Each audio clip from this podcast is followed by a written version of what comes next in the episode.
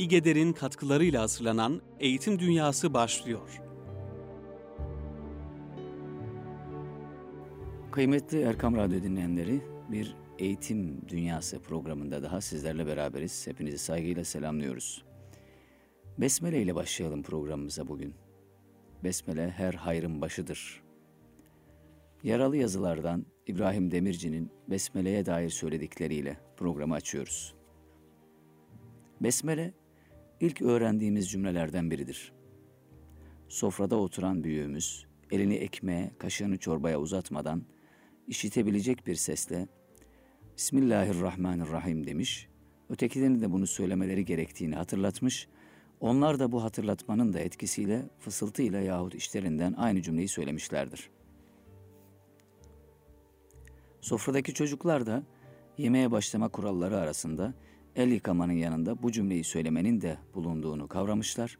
Önceleri belki biraz güçlük çekseler de zamanla doğru ve güzel besmele çekmeyi öğrenmişlerdir.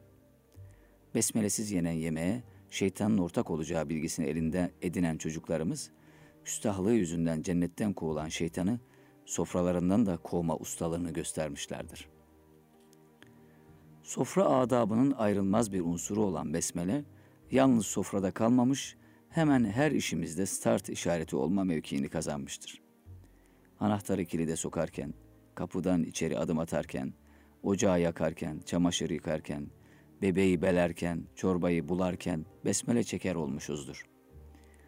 Anahtar kilitte dönmemişse, ayağımız kapının eşiğine takılı vermişse, ocak bir türlü yanmamışsa, çamaşırların arasına yıkanmaması gereken şeyler karışmışsa, beleyeceğimiz bebek huysuzlaşmışsa, buladığımız çorbanın dibi tutmuşsa, bütün bu aksaklıklarda besmeleyi çekmeyi unutuşumuzun doğrudan ya da dolaylı biçimde rolü olduğunu düşünmüşüzdür.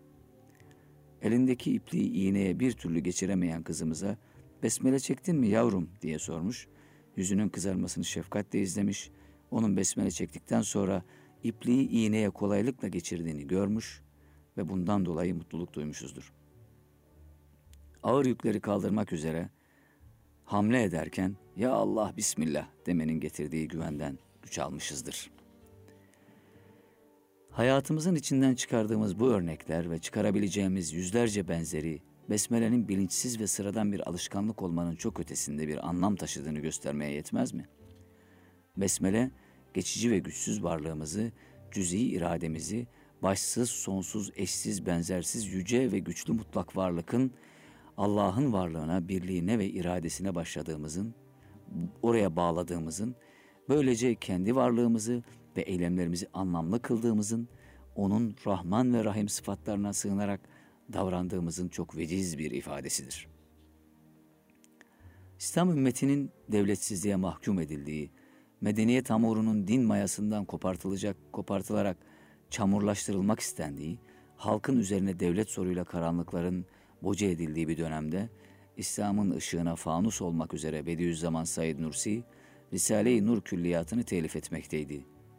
Üstad, külliyatının bel kemiğini oluşturan Sözler adlı eserinin birinci sözünü Besmele'nin anlamını açıklamaya ayırmakta, bidayetlerin nihayetleri belirleyici vasfını kavramış Yusuf Hasaciplerin, Mevlana'ların, Süleyman Çelebilerin izleye geldikleri kutlu yolun çağdaş bir sözcüsü olmuştur. Birinci söz şu cümlelerle başlar. Bismillah, her hayrın başıdır. Biz dahi başta ona başlarız. Biley nefsim, şu mübarek kelime, İslam nişanı olduğu gibi bütün mevcudatın lisanı haliyle virdi zebanıdır. Bismillah, ne büyük tükenmez bir kuvvet, ne çok bitmez bir bereket olduğunu anlamak istersen şu temsili hikayeciye bak, dinle. Şöyle ki, hikayeciyi merak edenler birinci sözü okumalı. 14. yüzyılda Şeyhoğlu Mustafa Hurşit namesine şöyle başlamış. Çü Bismillahi pes Allahu Ekber, diyesin kalmaya her işin ebter. İşlerimizin güdük ve sonuçsuz kalmaması için Bismillah diyelim, küçüklüklerimizden kurtulmak için Allahu Ekber. Şeyhoğlu Mustafa. Evet, Hurşit namesine böyle başlamış. Biz de programımıza yine Bismillah ile başladık. Yaralı yazılar ara ara açtığım, okuduğum ve gerçekten çok istifade ettiğim bir kitap. İbrahim Demirci'nin Hece yayınlarından çıkmış denemesi. Kelimelere, kelimelerin etimolojisine, kelimelerin dünyasına çok güzel nüfuz etmiş bir yazar İbrahim Demirci. İbn Arabi'nin kelimenin içine anlamı koyan, anlamı indiren, inzal eden Allah'a hamdolsun dediğini çok iyi idrak etmiş bir yazar. Burada çeşitli konular üzerine özellikle Türkçenin, Türkçedeki kullanımların ne ifade ettiği üzerine güzel yazılar var. Selam bahsi var mesela, selamlaşma bahsi. Bunu okumak isterim size. Birkaç yazı bugün paylaşmak istiyorum. Allah Allah başlıklı bir yazı var burada. Ne var ne yok. Bu günlük konuşma dilimize özellikle değiniyor buralarda. Selamlaşmayla başlayalım.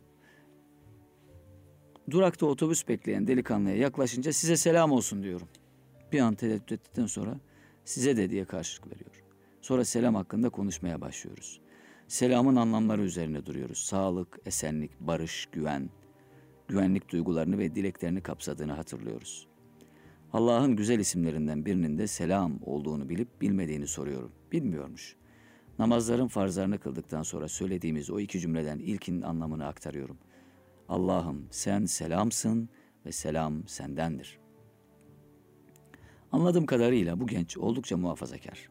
İnsanların birbirleriyle karşılaştıklarında sadece selam demelerini yeterli görmüyor. Gerçek ve tam bir selamlaşmanın selamün aleyküm, aleyküm selam cümlelerinin söylenmesiyle gerçekleşeceğine inanıyor. Ona göre merhabanın beri merhabanın yeri başka. Merhaba selam verilip oturulduktan sonra söylenmesi gereken bir söz. Merhaba asker, merhaba arkadaşlar, günaydın çocuklar gibi seslenişlerin ise resmi ideolojinin halka yabancılığının hatta din düşmanlığının bir yansıması olduğuna inanıyor. Eski Genelkurmay Başkanı Doğan Güreş'in Güneydoğu Anadolu köylerinden birinde kendilerini karşılamaya gelen kalabalığın başındaki adama selamün aleyküm muhtar diye seslendiğini, görüntünün ve sesin televizyon aracılığıyla milyonlara iletildiğini söylüyorum. Kaideyi hiç ırgalamayacak bir istisna görmüş gibi bir aktörden oyun metninde yer almayan ve oyunu sarsmayacak önemsiz bir söz duymuş gibi dudak büküyor. Yıllar önce tanık olduğum iki olayı hatırlıyorum. Birincisi şu, çalıştığım okulu genel teftişten geçiren müfettişler son bir değerlendirme toplantısı yapıyorlar. Baş müfettişin ilk sözü okulda rastladığı selamün aleykümlerin laikliği zedeleyişine, ikinci sözü de gönderilen genelgeye rağmen öğretmenim yerine hocam kelimesinin kullanılışının yanlışlığına dair uyarılar içeriyordu. Müfettiş beyler o toplantıda mesela okul kütüphanesinin bulunmayışı veya işleyemi işlemeyişi hakkında tek kelime söylememişlerdi. Takıldıkları yer sadece buraydı. Niçin hocam kullanıyorsunuz da öğretmenim kullanmıyorsunuz? Ne sık karşılaşırız böyle şeylerle ya da çok karşılaştık. Başka bir okulda da şöyle bir olay olmuştu. Derse geç kalan bir öğrenci yanımdan geçerken günaydın hocam diye seslenmiş. Üç beş adım attıktan sonra karşısına çıkan adamı da selamun aleyküm Ahmet abi diye selamlamıştı. Ahmet abi resmi görevli değil kantin işletmecisiydi. Çocuğu çağırıp neden böyle farklı davrandığını sorunca şaşırmış, kemküm etmiş, özür dilemeye kalkışmıştı. Özür dilemeyi gerektirecek bir durum olmadığını ama bu farklılık üzerinde düşünmesinin yararlı olacağını söylemiştim kendisine. Umarım düşünmüştür. Özellikle ilkokullarda öğleye kadar günaydın, bu çok ilginç burası, akşama kadar tünaydın deniyor. Oysa günaydın akşama kadar geçerli olmalı. Çünkü tünaydın akşamdan sonra söylenmesi gereken bir esenleme sözüdür. Bu çok önemli, altını çiziyoruz. Çok sık yapılan yanlışlardan biri. Tün gece demek zaten eski Türkçe'de. Çünkü tünaydın akşamdan sonra söylenmesi gereken bir esenleme sözüdür. Tercümanın temel Türkçe sözlüğünde tünaydının karşılığı şöyle. Hayırlı akşamlar, geceniz hayır olsun. Tün eski Türkçe'de gece demek ve horozlarımız, tavuklarımız, bilumum kümes hayvanlarımız tünemek üzere tüneklerine öğleden sonra değil akşam çekiliyorlar. Tün, tünemek. tünek. Hal böyleyken on binlerce öğretmenin, yüz binlerce öğrencinin tünaydınlaşma garabetini sürdürmeleri göz yumabilecek bir tuhaflık olmasa gerek. Genelge yayınlamayı pek seven Milli Eğitim Bakanlığı yetkililerinden istirham ediyorum. Tünaydını yürürlükten kaldırsınlar, günaydını akşama kadar geçerli kılsınlar. Güçleri yetiyorsa akşam okullarında tünaydın dedirtmeyi denesinler, diyor İbrahim Demirci. Günü gelince köylerimizde, kasabalarımızda, kentlerimizde, sokaklarımızda, iş yerlerimizde ve evlerimizde adeta doğal olarak alınıp verilen selamın okullarımızda da geçerli olması için genelge filan yayınlamaya gerek kalmayacağını biliyorum. Selam yayılıyor. Selam yayılmalı. İnanıyorum ki selam yayıldıkça günlerimizde, gecelerimizde bugünden daha aydınlık olacak. Herhalde yanına, e, yöresine, arasına bir kelime, bir cümle yerleştirmeye ya da söylemeye gerek yok. İbrahim Demirci çok enfes bir dille durumu izah ediyor. Selamı çok güzel bir şekilde ifade ediyor. Selamın gerekliliğini ve yanlış kullanımları çok güzel ortaya koyuyor. Allah Allah başlıklı yazısı var. Onu da paylaşmak isterim. Çocuk çocukça sorar içten bir merakla. Allah nerede? Büyük büyükçe yanıtlamaya çalışır. Sözüyle özü arasındaki boşluklardan tedirginlik duyarak ve saklamaya çalışarak tedirginliğini. Her yerde. Nerede ararsan orada. Ne yerde ne gökte mekandan münezzehtir. Allah şah damarından daha yakın sana, insana, bana da. Çocuk yalan söyler, Allah yakar. Çocuk ekmeğe saygısızlık eder, Allah taş yapar. Öfkelerin, umarsızlıkların patladığı anlarda benzer ilençler yükselir hep. Allah belanı versin, Allah cezanı versin, Allah kahretsin. Böylesi beddualara amin dendiği pek işitilmez. Neden? Şaşırırsınız, aman Allah'ım. İnanmak istemezsiniz, Allah Allah. Olur mu böyle şey dersiniz? Pes vallahi. Ne hukuka güveniniz kalmıştır, ne kendi gücünüze. Allah'ından bulsun demekten gayrısı gelmez elinizden. Onun sizinkinden ayrı bir Allah'ı bulunup bulunmadığını, bu sözünüzde Allah'ın biricikliğinden uzak düşüp düşmediğinizi düşünmezsiniz. Allah'ından bulsun derken. Gözlerinizi kamaştıran güzellikler karşısında takdir sözü de maşallah'tır. Canınızı sıkan durumlarda biraz da sitemle yükselttiğiniz takdir sözü de maşallah, maşallah, hatta maşallah diyebilirsiniz. İnşallah yahut inşallah ondan yardım ummayı, o dilemezse hiçbir şeyin olmayacağı bilincini yansıtır kimi zaman. Çoğu zamansa özellikle son dönemde savsaklamaların, kaytarmaların, kaçışların habercisi olur. Gelecek misin? İnşallah. Aslında anlamının tamamen zıddına kullanıyoruz. Sanki. Bir yandan bütün bunlar yaşanırken bir yandan da Tanrı girer dilimize. Belki Orta Asya esintileri taşıyan bir şiirde bir dize. Tanrı tektir, Tanrı tektir, Tanrı tek. Failatün failatün failün vezninde. Belki bir film sahnesinde bir çığlık. Aman Tanrım. Belki bir şarkının ezgilerine eşlik eden bir yakarış. Tanrım beni baştan yarat. Eski Yunan'dan çağdaş Hind'e dek sevilen, korkulan adaklar sunulan, resimleri, heykelleri yapılarak putlaştırılan bir yığın Tanrı'nın tüm zamanlarda ve mekanlarda var olduğunu da bir biçimde öğrenirsiniz. Onlara Allah demeye diliniz varmaz. Dahası Tanrı demeye bile çekinirsiniz. Tanrılardır onlar. Taşlar gibi. Kimi zaman dağ başında bir kayada, kimi zaman bir ören yerinde ayaklar altında. Gerek eski çağlara gerek günümüze ait olsun, böylesi uydurma tanrıları ve onlara tapınanları çeşitli yorumlarla anlamaya, aklınıza yatkın kılmaya çalıştığınız biricik, çalıştığınız kadar biricik Tanrı'yı, alemlerin Rabbini anlamak ve tanımak için çaba göstermeyişiniz, apaçık kitabını okuyup düşünmeyisiniz, savunulabilir, davr savunulabilir bir davranış mıdır? Siz dediğime bakmayın, kendime de söylüyorum bunları. Onlar mı? Onlar Tanrı denince çok bulanıyoruz diyorlar. Ekmeğe alın terinden önce kan, duadan ve bereketten önce kan. Ben kazandım, onlar da kazansın yeterince. Den önce kan, kan, kan, kin, öfke, katık olmalı her şeyden ve besmeleden önce diyorlar. Cahit Zarifoğlu. Allah Allah diye bitirmiş İbrahim Demirci. Evet Allah Allah Allah kelimesinin kullanımı ile ilgili denemesi yaralı yazılar içinde yer alıyor. Ne var ne yok kullanımını da okuyalım ve İbrahim Demirci'ye bugünlük bir son vermiş olalım. Günlük konuşmalarımızda sık sık kullandığımız ne var ne yok sorusunun bilgisayarı çatlattığı söylenir. Zavallı bilgisayarın bizim insanımız kadar zeki olmasını bekleyemeyiz elbette. Muhatabına bu soruyu yönelten kişi laf olsun, adet yerini bulsun, ayıp olmasın gibi kaygıların ötesinde bir ciddiyet taşıyorsa, bana söylemek istediğin yahut söyleyebileceğin bir şeyler var mı?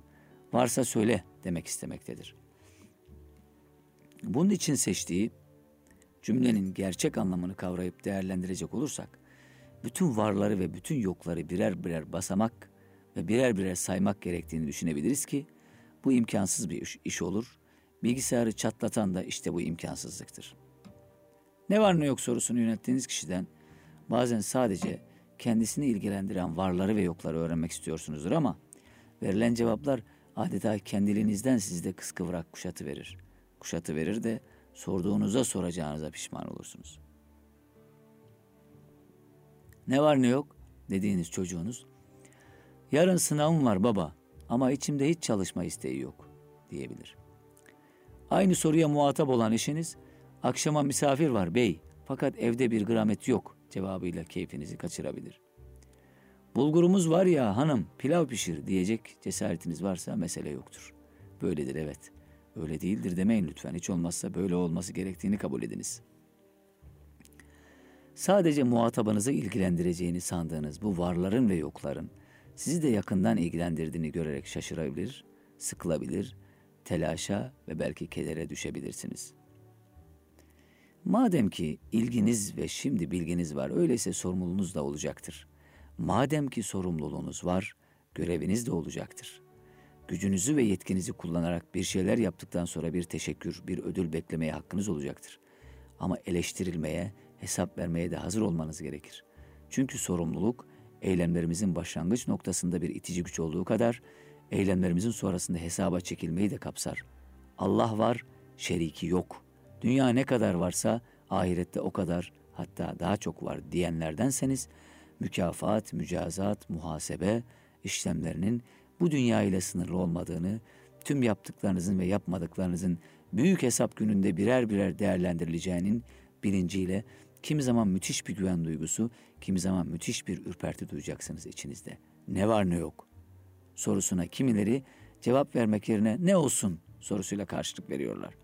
Hemen ardından genellikle var olan bir takım olumsuzlukları kendi yoklarını saymaya başlıyorlar. İş yok, aş yok, para yok, halden anlayan yok.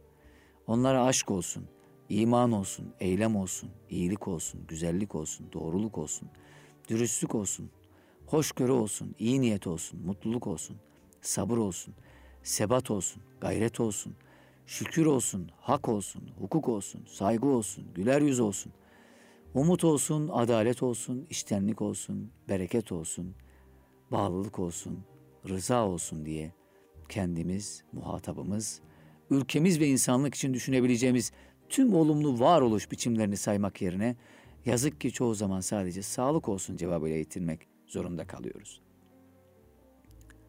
Sağlık olsunu çoğumuz genellikle bir teselli gibi söylüyoruz ama aslında bu dilek pekala yoklarımızı var kılmak için gerekli asgari zemini oluşturabilir. Ne var ne yok? Ne olsun? Sağlık olsun, hamdolsun. Evet efendim. İbrahim Demirci, Yaralı Yazılar deneme türünde bir eser, hece yayınları arasında çıkmış bir eserdi bu. Eski bir eser, tarihini de verelim hangi yıl? Mayıs 2000'de yayınlanmış. Çok güzel denemelerden oluşuyor. Özellikle Türkçenin kullanımı ile ilgili olarak acaba hangi e, kısımlarda hatalar yapıyoruz veya e, Türkçenin aslında kullandığımız kelimelerin ne kadar derin anlamlar içerdiğini o an fark edemiyoruz. Fark edersek eğer, anlamına nüfuz edebilirsek, hayatı da anlamlı kılabiliriz. Diyoruz. Buradan belki ana tema olarak, ana fikir olarak bunları çıkarmak mümkün. Çok orijinal yazılar var. Şeyler arasında mesela bu burada çok güzel yönler arasında yazısı. Efendim Miraç, asansör yazıları, peyda kelimesi üzerine, istihare ve istihare üzerine, kıskançlık ve gayret, kalemin kemiği, ipin ucu, kandiller arasında, kazalar arasında gibi başlıklar, gençlik başlığı, tarikat ve malumat, mehir, mihir, mühür, iktibas, şevval, efendim, fiiller üzerine incir çekirdeğini dolduran sorular, ciddiyet, çok orijinal güzel başlıklar var. Bu başlıklar çok e, de, tam deneme türünün e, orijinal bir e, yansımasını görüyoruz İbrahim Demirci'de. Kıymetli dinleyenler kısa bir ara vereceğiz ama kısa aradan önce e, pazartesi ve salı SBS yerine getirilen TEOK sınavları var biliyorsunuz. E, 8. sınıf öğrencilerimiz katılıyorlar. Buradan bütün öğrencilere başarılar diliyoruz sınavda. Allah zihin açıklığı versin diyoruz.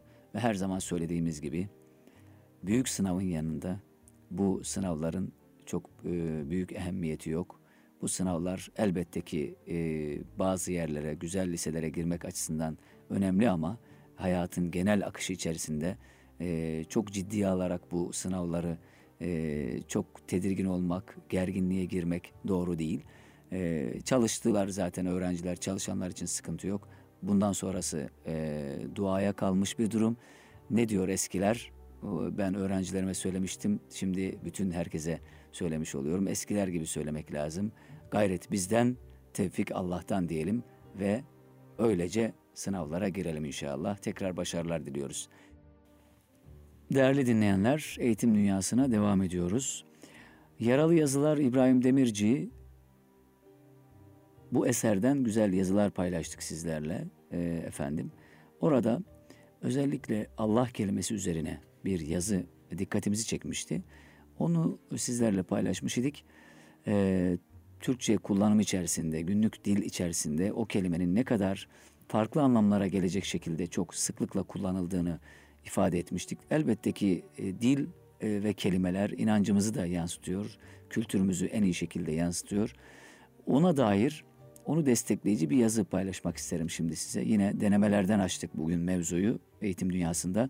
Denemelerle sürdürelim. Şeref Yılmaz dilimize yansıyan inancımız başlıklı bir yazı e, kaleme almış. Sürmeli Türkçe isimli eserinde şöyle başlıyor. Türkçeden söz açılınca dilim nedense vuslat türküsü söylemeye başlıyor.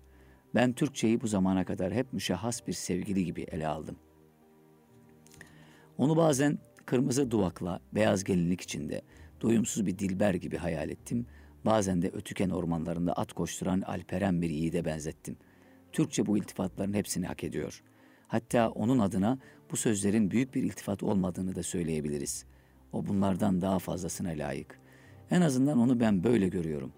Onun üstüne bir dilbere gönül vermedim çünkü. Ondan başka bir dili mahrem saymadım.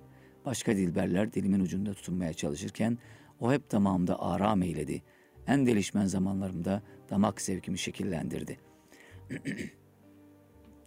o nasıl bir dildir ki gönül yamaçlarımı süsleyen, kalbin zümrüt tepelerini okşayan inancımı ifade etmek istediğimde kalbimden damağıma süzme bir bal gibi akıyor.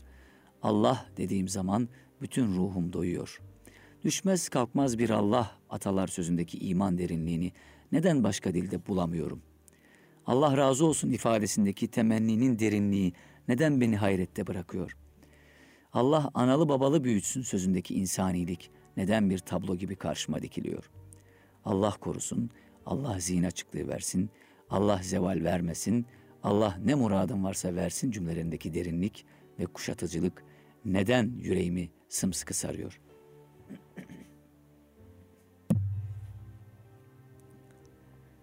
Allah bereket versin, Allah rahatlık versin, Allah sabır versin. Hayırlı işler, hayırlı sabahlar gibi zümrütten yamaçlarımızda açmış nice bereketli ifadeler her gün bize adeta hayır ve şerrin Allah'tan olduğunu inceden inceye hatırlatmıyor mu? Sabahtan akşama kadar bütün bir günü Allah lafzıyla sarmalayıp önümüze mukaddes bir emanet gibi koyan Türkçe bu tavrıyla bize Allah'ı bir an olsun aklınızdan çıkarmayın demiyor mu? Tanrı sözü neden Allah lafzı kadar sıcak değil? Türkçe Allah lafzındaki sıcaklığı ve kucaklığı, kucaklayıcılığı nasıl da fark etmiş. Oysa bir zamanlar bizim de başkaları gibi Tanrımız vardı. Gün geldi, Türkçe Allah'ı tanıdı ve o günden sonra Tanrı'dan geriye sadece Tanrı misafiri kaldı. Türkçe ana dilim yani annemin konuştuğu dil. Evlat nasıl annenin bir parçasıysa ana dilde evladın bir parçasıdır.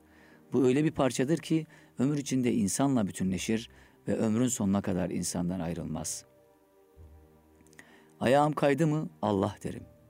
Bir olay karşısında hayretler içinde mi kaldım? Aman Allah'ım derim.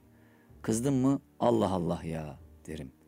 Aklımın savuştuğu kızgınlık anında bir sürü kaba, kırıcı ve çirkin söz söyleyebilecek ortam doğmuşken Allah Allah ya sözüyle doğabilecek bir faciayı atlatmak bana çok manidar geliyor.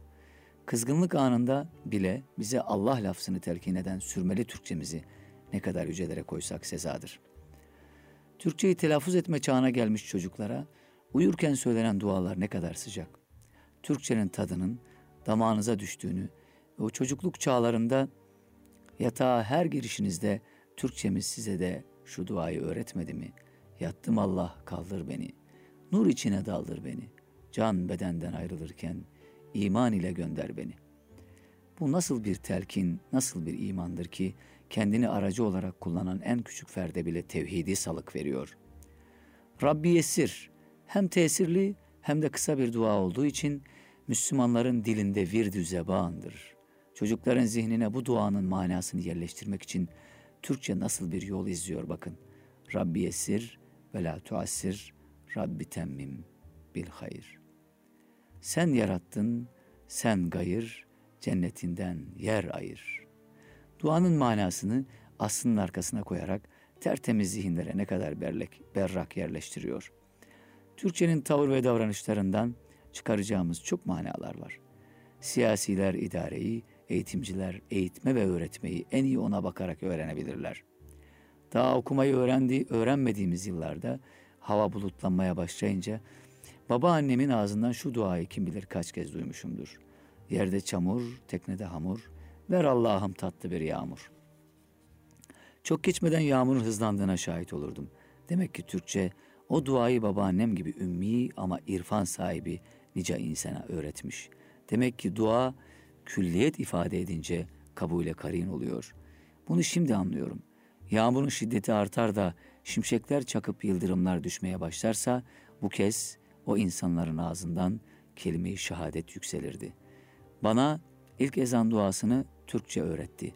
Türkçe bu tür durumlarda çocukların veya ümmi olanların as aslını ezberlemekte zorluk çekebileceklerini ihtimaline karşı Hızır gibi imdada yetişir. Duanın aslını, aslına iştirak, iştiyak uyandırır. Ezanlar beştir, beş vakiti hoştur, şeytanı başımızdan savuştur, cenneti alaya kavuştur. O gül endam bir al, şale bürünsün yürüsün, ucu gönlüm gibi ardınca sürünsün yürüsün. Yürüttün gönlüm ardından, efsunladın adeta, dolunay gibi parladın nice duru gönlünün aynasında. Senin güzelliğinle niceleri kendini kaybederken, niceleri de kendine geldi. Sen güzeller arasında hep müstesna oldun diyor Şeref Yılmaz Sürmeli Türkçe isimli kitabında. Evet değerli dinleyenler, Türkçeden açtık bahsi, Türkçede Türkçeden sürdürelim.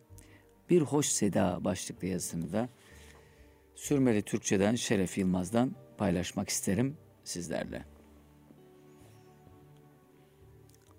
Bu yazıda hoş kelimesiyle ilgili biraz hoşbeş etmek istiyorum. Hoş kelimesi Türkçemize Farsçadan gelmiştir. Farsçadaki şekli huştur. Bu kelime geçmiş dönemlerde kaderin garip bir cilvesi olarak Türkçemizle tanışma bahtiyarlarına ermiş ve Türkçemizde bu kelimeyi kabul etme büyüklüğünü göstermiştir. Hoş kelimesinin Türkçemiz tarafından kabul edilmesini bu kelime adına niçin bahtiyarlık olarak gördüğümüzü size söyleyeyim. Bu kelime Türkçemizde tanışır tanışmaz sulbüne bir bereketin düştüğünü de çok çabuk fark etmiştir. Türkçemizin İslam kültürüyle kazandığı bir bereket vardır ki o zemine düşen her tohum yedi veren gibidir. Hoş kelimesi Farsça olmasına rağmen o kadar bizim olmuştur ki bu söz kendi zemininde bile ne kadar bereket bulabilmiş, ne kadar hareket edebilmiştir. Türkçemiz hoş kelimesinin cilvesine, nazına ve çekingenliğine hoşgörüyle karşılık vermiş ve bu sözü tamamen kendi potasında şekillendirmiştir. Hoş kelimesinin sülbünden yıllar sonra gelmiş olan hoşgörü kelimesi nasıl bir efsun taşıyor ki tamamen Türkçe çizgilere bürünmüş. Türkçe hoş sözüne nasıl bir kimya karıştırıyor da ortaya hoşgörü çıkıyor. Saadet asrından bütün dünyaya hüzme hüzme yayılan hoşgörüyü o dönemde yudumlama imkanı bulamayan Avrupa bu efsunlu kelimeyi o asrın temsilcisi olan bu aziz milletimiz ve tarihimiz sayesinde tanıdı.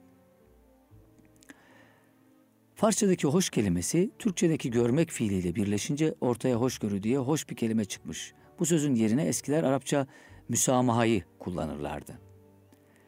Düşünebiliyor musunuz? Farsça bir isim olan hoş kelimesini isimden fiil yapma eki olan lela ile anında fiil haline dönüştürmüşüz ve hoşlanmak demişiz. Daha sonra hoş geldiniz, hoş bulduk, hoş gördük gibi kullanımlar da Türkçemizde hızla yol almış.'' Hoş kelimesini içine kabul ederken adeta hoş geldiniz sözüyle karşılık veren Türkçemiz bu tavrıyla da Türk misafirperverliğini ortaya koymuştur. Hoş sohbet ifadesine gelince bu kullanım Arapça ve Farsçanın bir araya gelmesinden oluşmuştur. Ne Araplarda bunu bulabiliriz ne Farisilerde. Huş Farsça, sohbet Arapça. Huş sohbet zamanla hoş sohbet yerini almış.'' Farsça ve Arapçadan oluşan bir kullanımın içine Türkçemiz nasıl bir efsun katıyor ki ortaya çıkan kelime Türkiye ve Türkçe'ye benziyor. Bir başka kullanımda hoşbeştir. Hoşbeş ifadesi de muhtemel bir yanlışlığı önlemek açısından üzerinde durulmaya değer. Hoşbeş ifadesini Farsçadaki hoş kelimesiyle Türkçedeki beş kelimesinin birleşmesinden meydana gelmiş sananlar olabilir. Bu doğru değildir. Bu ifadenin aslı Farsçadaki hoş kelimesi ile yine Farsça olan bağış kelimesinin birleşmesidir. Aslı hoşbaştır. Türkçemiz bu söyleyişte Farsça kokusu sezmiş ve onu ustaca bir manevrayla hoşbeş haline getirmiştir ki birçok insan ilk bakışta bu ifadeyi Türkçe asıllı zanneder. Böyle, böyle sanmakta haklıdırlar çünkü beş sözü de bu çağrışımı yaptırıyor. Hoş kelimesiyle ilgili olarak aklıma gelen bir de hoşaf kelimesi var. Bu kullanım Türkçemizin malı olmuştur. Hoşaf kelimesinin aslı hoş ab'dır. Ab kelimesi Farsçada su anlamındadır. Hoş ab, hoş, güzel, tatlı su anlamlarına gelmektedir. Türkçemiz bu kelimeyi de Türk estetiğine uydurarak hoşaf haline getirmiştir. Hatta o kadar ki hoşaf sözü deyimleşerek yorgun olma anlamını ifade eder duruma gelmiştir. Bu değişim karşısında sadece parça değil, hangi dil olursa olsun hayretini gizleyemez.'' Hoş kelimesinin Farsçadan gelmesi olması görüyorsunuz ki sonucu değiştirmiyor. Ortaya çıkan ürün bizim damgamızı taşıyor. Bu kadar çeşitli değişim ve dönüşümleri becerebilmek için imparatorluk diline sahip olmak gerekir. Zaten Türkçemiz eskiden beri imparatorluk diliydi.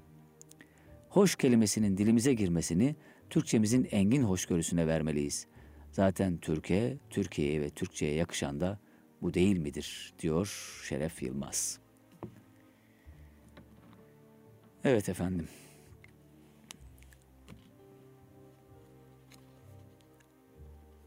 Denemelerle açmıştık sözü dedik kıymetli dinleyenler.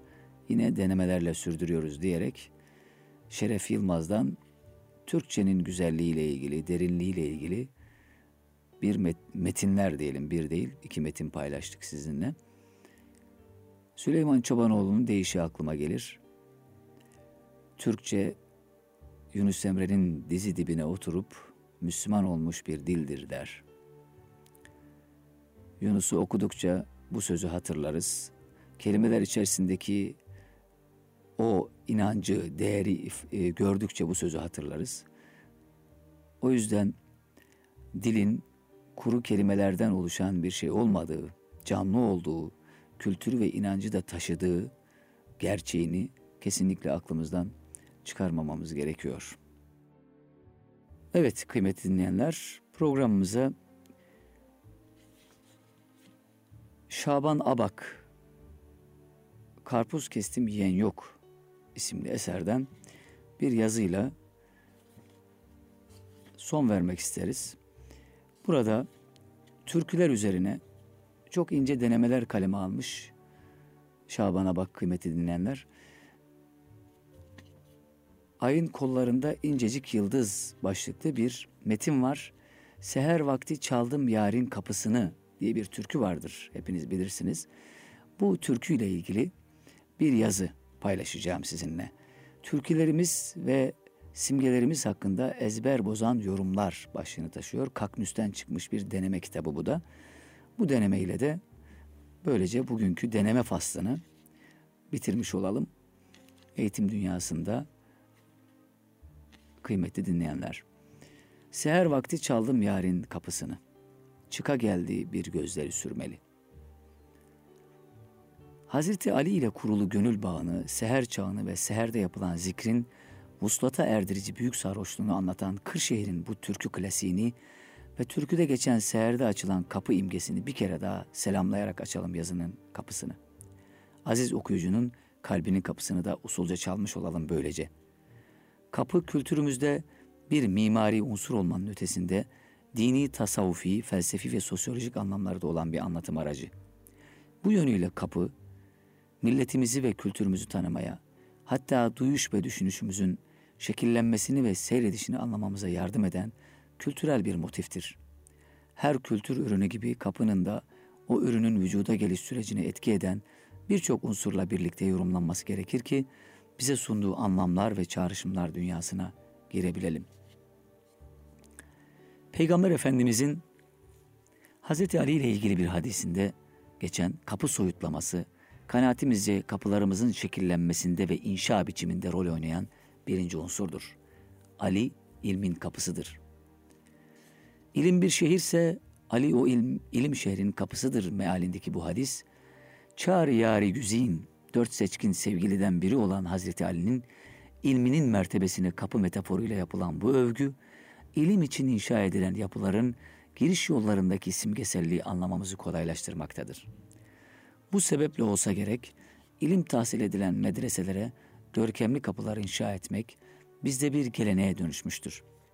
Özellikle Selçuklular ve Beylikler döneminde inşa ettiğimiz medreselerde ana kapı, olağanüstü büyüklüğü, coşku ve hayret uyandırıcı taş işlemeciliği, simgesel kabartma, hat ve süslemelerin güzelliğiyle artık bir kapı değil, adeta Hazreti Ali'ye adanmış birer anıt kimliğindedir. Hatta bu sezgisel bulguculuğumuzu güçlendirici bir başka işarete de rastlarız taç kapılarda.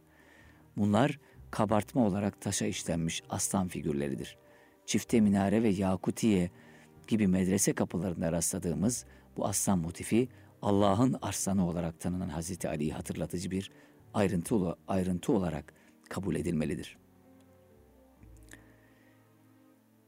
Bu kapıdan giren cennete girer.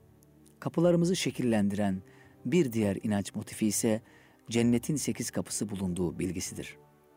Cennetin Türkçe adı da uçmak kelimesidir. Cehennemin yedi kapısı vardır ama cennetin kapı sayısı ondan bir fazladır. Bu bilgi de kapılarımızın simgesel biçimlerde tasarlanmasına tesir etmiş olmalıdır. Zira pek çok yörede çift kapılı kap çift kanatlı kapılar genellikle dörderden sekiz eş parçaya bölünmüş olarak tasarlanmış ve her bölüm çeşitli yazı, resim ya da çiçek kabartmalarıyla süslenmiştir. Örneğin Bektaşi tekkesi kapılarındaki bu süslemeler oturmuş aslan biçiminde istif edilmiş birer hüsni hattır. Bu bölümleme ile cennetin sekiz kapısı hatırlatılmak istenmekte ve adeta içeri girene bu kapıdan giren biiznillah cennetin sekiz kapısından dahi içeri girmiş olur duası yapılmaktadır. Kapının her bir kanadının dört çeşit, dört eşit kareden oluşmuş gibi tasarlayarak sekiz bölümlü bir kapı görünümü elde etme geleneğinin Doğu Türkistan'da daha yaygın olduğunu biliyoruz. Dünya biz cennet sürgünleri için geçici bir handan, bir misafirhaneden farksızdır. Ve onun dahi iki kapısı vardır denilmektedir. Aşık Veysel'in Gidiyorum Gündüz Gece Redifli türküsünün halkımızdan büyük bir kabul görmesinde türküdeki iki kapılı han düşüncesinin dünya tasavvurumuza birebir uygun olmasının da payı vardır. Biz Türkler kapıdan içeri gireriz. Bunun için kapı dışarıdan içeriye açılan ve içeriye girmeye yarayan bir birimin adıdır. Kapı biz gelince içeri doğru açılsın diye düşünülerek yapılmıştır. Bunun felsefi anlam ve çağrışımlarına girmeyeceğim ama neden bir kapının yüzümüze kapanmasından hoşlanmadığımızın bu hususta ilgili olduğunu söylemekle yetineceğim. Şunu da ilave etmeliyiz ki dışarıda kalmaktan korkar, dışarıda kalmışlığı küçümseriz. Derinleşmeyi de, aydınlanmayı da, huzur ve güvenliği de içe doğru yönelmede ararız. Gündelik dilde de kapıdan içeri girilir fakat eşikten dışarı çıkılır. Eşiği atlamak hayatın binbir çile ve sıkıntısına ve dış alemin bizi savunmasız yakalamasından korktuğumuz saldırılarına atılmak demektir. Bir anlamda Blue çağına da işaret vardır. Avlanma ve savaşma çağına da. Eşikten beşiğe kadar deyimi de en küçüğünden en büyüğüne kadar hepsi anlamıyla bunu ima eder. Beşikten eşiğe kadar olan mesafede sıcak bir şefkatle kuşatılmış olarak güvenlikteyizdir. Bütün ihtiyaçlarımız karşılanmaktadır. Kapı çalmanın bir adabı vardır. Kapı tokmaklarından ve kapı çalma adabından da söz etmek isterim. Eskiden çocuklara mahalle mekteplerinde görgü kuralları arasında kapı çalmanın adabı da öğretilirdi. 60'lı 70'li yıllarda Erzurum'un Başçakmak köyünde bir medreseye dönüştürdüğü ahır sekisinde yetenekli çocuklara hafızlık eğitimi veren merhum Recep Hafız Hoca, Perşembe günleri şart dersleri kapsamında bu tür bilgileri de verirdi bize, diyor Şaban Abak. Buna göre tokmaksız kapılarda kapı çalma adabı şöyleydi. Kapıya sağ elle hafifçe ve üç kere vurulur, beklenirdi. Beklerken sırtımız kapıya dönük olmalıydı. Kapıyı açana bakmamız edeben uygun değildi. İlk o bizi görmeliydi ve eğer dönmemizi söylerse dönerek, söylemezse arkamız ona dönük olarak konuşmalı, için geldiğimizi ya da ne istediğimizi söylemeliydik. Kapıda tokmak varsa durum daha da incelik gerektiriyordu. Fakat önce kapı tokmaklarının aynı kapıda neden iki farklı biçimde yer aldıklarını hatırlatmam gerekiyor. Erzurum, Bayburt, Bursa, Muğla ve Balıkesir'de yaygın olduğunu bildiğimiz bir uygulamada kapılara birbirinden farklı iki tokmak yapılarak biri kadının, diğeri de erkeklerin kullanımına sunulmuştur. Erkekler kapıdaki hilal şeklindeki çalınınca tok bir ses çıkaran tokmağı çalacaklardır. Böylece içeriden kapıyı çalanın bir erkek olduğu anlaşılacak ve kapıyı açmaya da bir erkek gidecektir. Gelen bir kadının, kadın ise kapının üstündeki çoğunlukla zarifçe yumruk yapılmış bir kadın eli görünümünde ince ses çıkaran tokmağı çalacak. Bu sefer de içeriden kapıyı açmaya bir kadın çıkacaktır.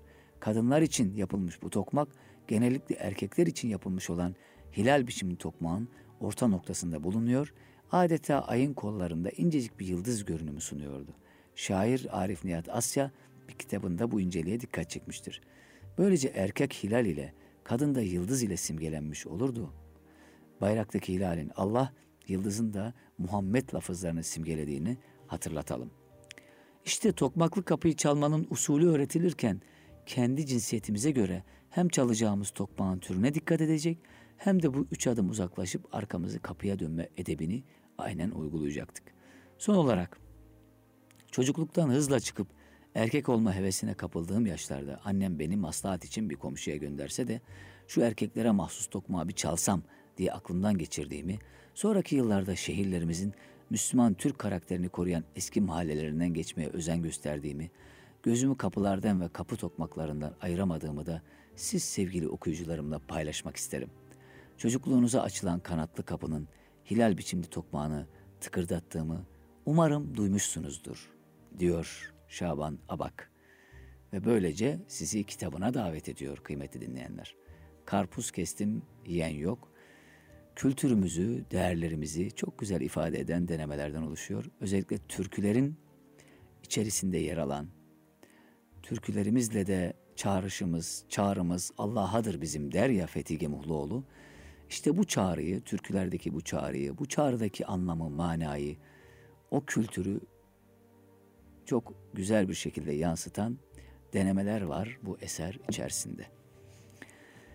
Böylece denemeler bahsini kapatarak Eğitim Dünyası programını da tamamlamış, nihayete erdirmiş oluyoruz. Bismillah ile başladık, selam ile bitirelim inşallah. Tekrar İGEDER'in Eğitim e, Dünyası programında e, İGEDER'in hazırladığı Gönül Kürsüsü programını da hatırlatmak isterim. Programımız yaklaştı. 30 Nisan Çarşamba günü saat 20.30'da erkeklere, e, beylere eğitim e, içerikli bir programımız olacak. Emin Işık hocamız Gönül Kürsüsü programında e, yer alacak. Aşkı Meşk Etmek kitabını okuyarak e, İGEDER'de yapılacak programa katılabilirsiniz. İGEDER.org.tr'den e, katılımla ilgili bilgileri alabilirsiniz. Yine Emin Işık hocamız hanımlara e, 7 Mayıs 7 Mayıs'ta saat 17'de konuşacak. 17'de hanımlarla buluşacak inşallah. E, Aşkı Meşk Etmek kitabıyla ilgili yine konuşulacak. Bu programları tekrar hatırlatmış oluyorum. Böylece programımızın sonuna geldik. Haftaya yeniden Eğitim Dünyası programında sizlerle buluşmak dileğiyle. Hoşçakalınız. İgeder'in katkılarıyla yayına hazırlanan Sait Yavuz'la Eğitim Dünyası programını dinlediniz.